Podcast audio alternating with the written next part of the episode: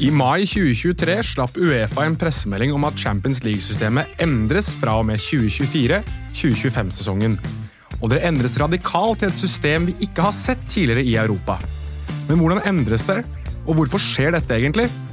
Det skal vi forklare nå.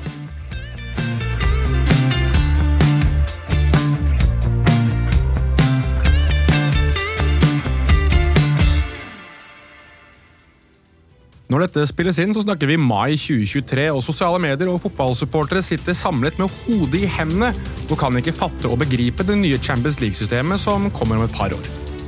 Nei, altså, helt seriøst, Det er ikke det at de bare er fortvila, men det er det at de faktisk ikke skjønner hvordan dette fungerer.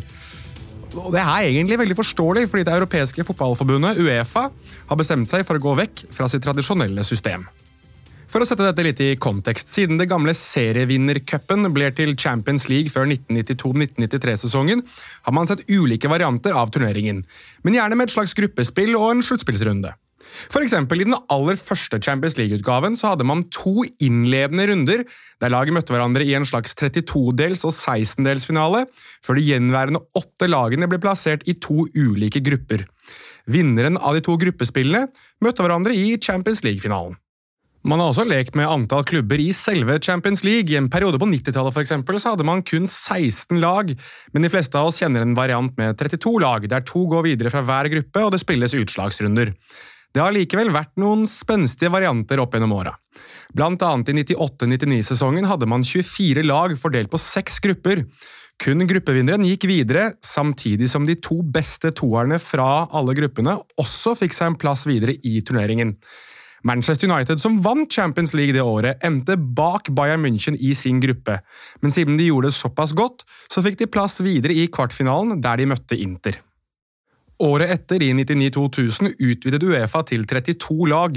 Da ble man tydeligvis så glad i gruppespill igjen at man kjørte først ett gruppespill, der de to beste lagene i det gruppespillet gikk videre til et nytt gruppespill, med de to førsteplassene fra en annen gruppe. De to beste fra gruppespill 2 gikk så videre til kvartfinalen. Dette oppsettet var tilstedeværende i Champions League i hele tre sesonger.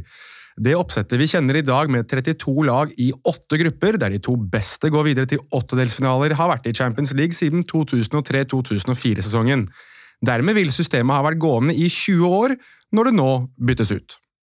Men hva byttes det til? Ok, her må vi holde tunga litt rett i munnen. Så la oss starte med det overordna først, kanskje. Først og fremst, 32 lag blir til 36 lag i selve turneringen. Gruppespillet fjernes fra turneringen, og inn får man heller én stor liga. Hver klubb er nå garantert å spille åtte kamper i løpet av Champions League. Fire hjemme, fire borte.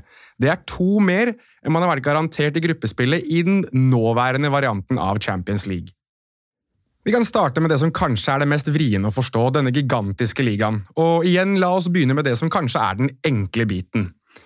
De åtte lagene som gjør det best etter at alle lag har spilt åtte kamper, går direkte videre til åttedelsfinalene. Lagene som ender på plassene 9 til 24, altså 16 lag, vil møtes i en playoff over to kamper, der vinneren går videre og skal spille åttedelsfinale, de også. Lagene som ender på plass 25 til 36, altså 12 lag, er slått ut. Ingen av klubbene går inn i Europa League, slik det tidligere har vært. Fra åttedelsfinale og ut så vil Champions League ligne litt på det du har sett i alle år. Deretter er systemet egentlig forholdsvis enkelt å forstå. Men hvor kommer disse fire nye lagene fra, og hvorfor går man fra 32 lag til 36 lag? The Athletic har tatt et dypdykk på dette og har kommet frem til følgende. To av plassene tildeles nasjoner som samlet har gjort det bra i alle klubbturneringer sesongen i forkant, altså de to nasjonene som gjør det best i Champions League, Europa League og Conference League. Man tar hvor mange poeng disse klubbene scorer i Uefas eget koeffisientsystem, altså dette er en slags rangering av klubber og ligaer i Europa, og de deler det på antall klubber nasjonen har hatt i Europa den sesongen. La oss komme med et slags eksempel. her. Altså, det er si om, si om Eliteserien i Norge da. har to klubber i Europa og ender opp med å prestere en score verdt 400 poeng. Så deles altså 400 på to, og Norge får da 200 poeng. Og Så tar vi Premier League. La oss si at de har syv lag i Europa samme sesong og ender på 1400 poeng. Da deles 1400 på syv, og England stopper på 200. det samme som Norge.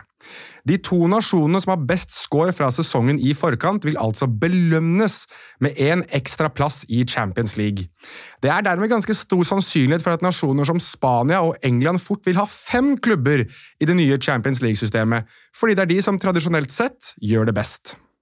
En av disse plassene vil nå bli gitt til en nasjonal mester, da den ene kvalifiseringsveien, kjent som Champions Path, dette er den veien som f.eks. Bodø-Glimt og Molde har deltatt i når de har forsøkt å kvalifisere seg til Champions League. Denne delen utvides fra fire til fem lag, altså ett mer.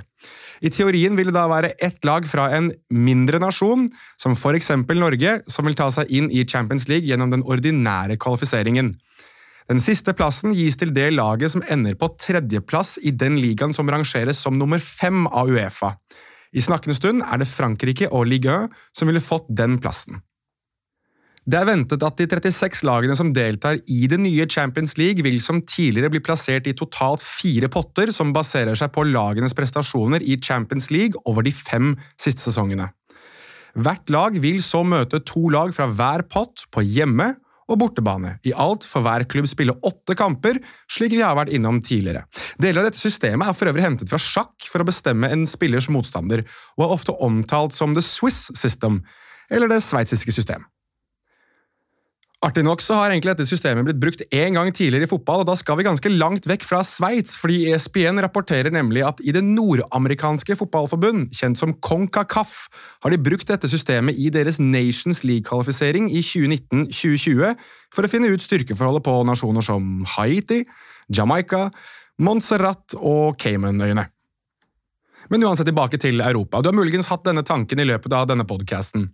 Hvis alle lag skal møte to lag fra hver pott, så vil vel det bety at de lagene i pott nummer én, altså de beste lagene, vil møtes oftere? Bingo! Og dette kan fort være én av grunnene til hvorfor dette gjøres. Vi er overbevist om at det valgte formatet treffer den riktige balansen, og at det vil fortsette å forbedre den konkurransedyktige balansen, samt generere store inntekter som kan fordeles til klubbene, til ligaene og grasrota rundt om på kontinentet, samtidig som vi kan øke interessen og populariteten til våre turneringer, sa Uefa-president Aleksander Tseferim i en uttalelse da det nye systemet ble bekreftet 10. mai 2023. Selv om omveltningen av Champions League gjennomføres i 2024, så har dette vært en diskusjon siden 2016. The Guardian skrev den gang at Uefa vurderte å kutte ned gruppespillet til totalt 16 lag. Den gang skal det ha vært lag fra kontinentet, f.eks. Spania og Italia, som ønsket å ha færre kamper mot det som de anså som mindre lag. Et konkret eksempel på dette skal ha vært da Real Madrid møtte Bate Borisov fra Hviterussland. Eksempelet The Guardian brukte den gang, var følgende. Gruppespillet kan dermed se ut som to mini-superligaer. Superliga? Er det et begrep som ringer noen bjeller, kanskje? Selvfølgelig gjør det det. Selve the rise and fall av Superligaen kan vi fint ta i en annen episode, men husk at i april 2021 brøt tolv av Europas største klubber ut av Uefa og Champions League-systemet for å forme sin egen meget lukrative Superleague. Dette prosjektet veltet fotballen på hodet, og selv om prosjektet døde i løpet av 48 timer, så sendte det en advarsel til Uefa. De store klubbene mener alvor når de ønsker endringer. Husker dere at i Superligaen så skulle det ikke eksistere noen form for nedrykk, eller at de store klubbene måtte kvalifisere seg på noen som helst måte? Altså at de fikk lov til å være med uansett. Typ Manchester United kan rykke ned fra Premier League, men de er fortsatt med i Superligaen fordi Tja, de er Manchester United. Vel, i det første utkastet av endringene til Champions League så foreslo Uefa noe av det samme. La, la oss gå litt tilbake. Husker du de to plassene som skal gå til klubber fra nasjoner som gjør det best i den europeiske konkurransen året i forveien, altså samlet i Champions League, Europa League og Conference League? Vel, I det originale forslaget fra Uefa fra 2021 så skulle egentlig disse to plassene gå til klubber som hadde de beste koeffisientpoengene over de fem siste årene, men som ikke hadde kvalifisert seg til Champions League den sesongen. Her snakker vi da altså om et slags sikkerhetsnett, og igjen, la oss ta et eksempel. I snakkende stund så er Liverpool på femteplass i Premier League. Det vil i dag bety at de ikke kvalifiserer seg til Champions League. Under Uefas forslag fra 2021 så ville vi ha kunnet gå fem år tilbake i tid og sett om Liverpool hadde fortjent en plass likevel. Liverpool som kjent vant Champions League i 2019, altså innenfor femårsperioden. Dermed er sannsynligheten stor for at man hadde sagt ja ja, pytt pytt, cup er cup, corner er mål, og vips hadde Liverpool vært med i Champions League likevel. Dette forslaget er blant de som ble sløyfet i det endelige formatet, fordi klubber i Den europeiske klubbforeningen, ECA, ikke ønsket denne ordningen. For mange så ble denne ordningen ansett som en slags ok, vi ser hva dere prøver på, og her er vårt tilbud på å spille ball til de tolv klubbene som i sin tid forsøkte å forme Superligaen. Men hva annet er det som endrer seg, som vi kanskje må innom? Jo, i dagens utgave av Champions Leagues hovedrunde er det totalt 125 kamper. Dette økes nå til 189 kamper. Flere lag betyr flere kamper, hvilket også betyr mulighetene til å generere større inntekter. The Athletic har meldt om at Uefa tror det nye formatet vil gjøre at inntektene går opp med hele 33% I hver sesong mellom 2021 og 2024 har Uefa rapportert at de forventer at Champions League skal tjene inn rundt 3,6 milliarder euro, hvilket er i overkant av 40 milliarder norske kroner hver eneste sesong. Giorgio Marchetti, turneringsdirektøren i Uefa, kunne stolt fortelle at han tror det nye systemet vil generere mellom 4,6 og 4,8 milliarder euro. Altså så høyt som nord for 55 milliarder kroner. Men så er spørsmålet, hvorfor skjer dette i 2024? Det er det året man starter med en ny runde med rettighetssalg, altså alle kommersielle avtaler vil forhandles og startes fra 2024-2025-sesongen. Det vil bety at man nå selger flere kamper, flere potensielle store oppgjør og enda mer fotball til folket. Dermed vil nok Uefa se på det som langt mer gunstig å holde turneringsoppsettet slik det er, i én sesong til. For å gjøre dette litt mer tydelig for oss her hjemme i Norge. I Norge så er det TV 2 som eier rettighetene til Champions League. Ifølge kampanje så kjøpte TV 2 den rettigheten fra 2021 til 2024. Altså skal TV2, Viaplay, Discover, NRK eller en eller annen TV-kanal kjøpe rettighetene til Champions League, så må de forhandle ut ifra det nye konseptet som Uefa har skapt.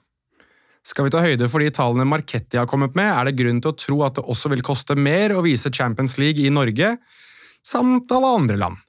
Skal vi prøve å ta en slags oppsummering her? Vi kan i hvert fall gjøre et forsøk. Nummer 1. Champions League endres fra 2024-2025-sesongen. Du har altså én sesong til med det samme systemet som pågår akkurat nå. Nummer 2. Champions League går fra 32 lag til 36 lag. Nummer 3. Gruppespill er ut, et stort ligaspill er inn. Nummer 4. Etter ligaspillet så følger en playoff, som leder til åttedelsfinalen. Derfra ut er turneringen slik du kjenner den i dag. Nummer 5. Alle klubber er garantert å spille åtte kamper istedenfor seks, slik det er nå. Nummer seks. To plasser deles ut til nasjoner som samlet har gjort det best i de europeiske turneringene året i forveien. Én plass til det tredje beste laget i den femte beste ligaen, og én ekstra plass til en nasjonal mester i en mindre nasjon. Nummer syv. Ingen klubb som slås ut av Champions League, vil automatisk gå inn i Europa League, slik systemet er lagt opp nå. Og for de av dere som nå tenker ok, dette blir for komplisert for meg, så kan jeg trøste dere med at det er et likt system som også innføres i Europaligaen og Conference League. Med andre ord, du, du kommer ikke unna. Men selv om du kanskje ikke kommer unna, så håper jeg i hvert fall at det nye systemet, den nye Champions League og den nye europeiske fotballen nå er forklart. Dette var det for denne ukens Fotball forklart. Øvrige kilder i tillegg til de du har hørt i podkasten, er The Athletic, The Guardian, Full Time Football, TIFO Football, Sorted Out, SI, Rabona TV, Sky Sports News, Uefa.com og ISPN. Takk for at du lyttet.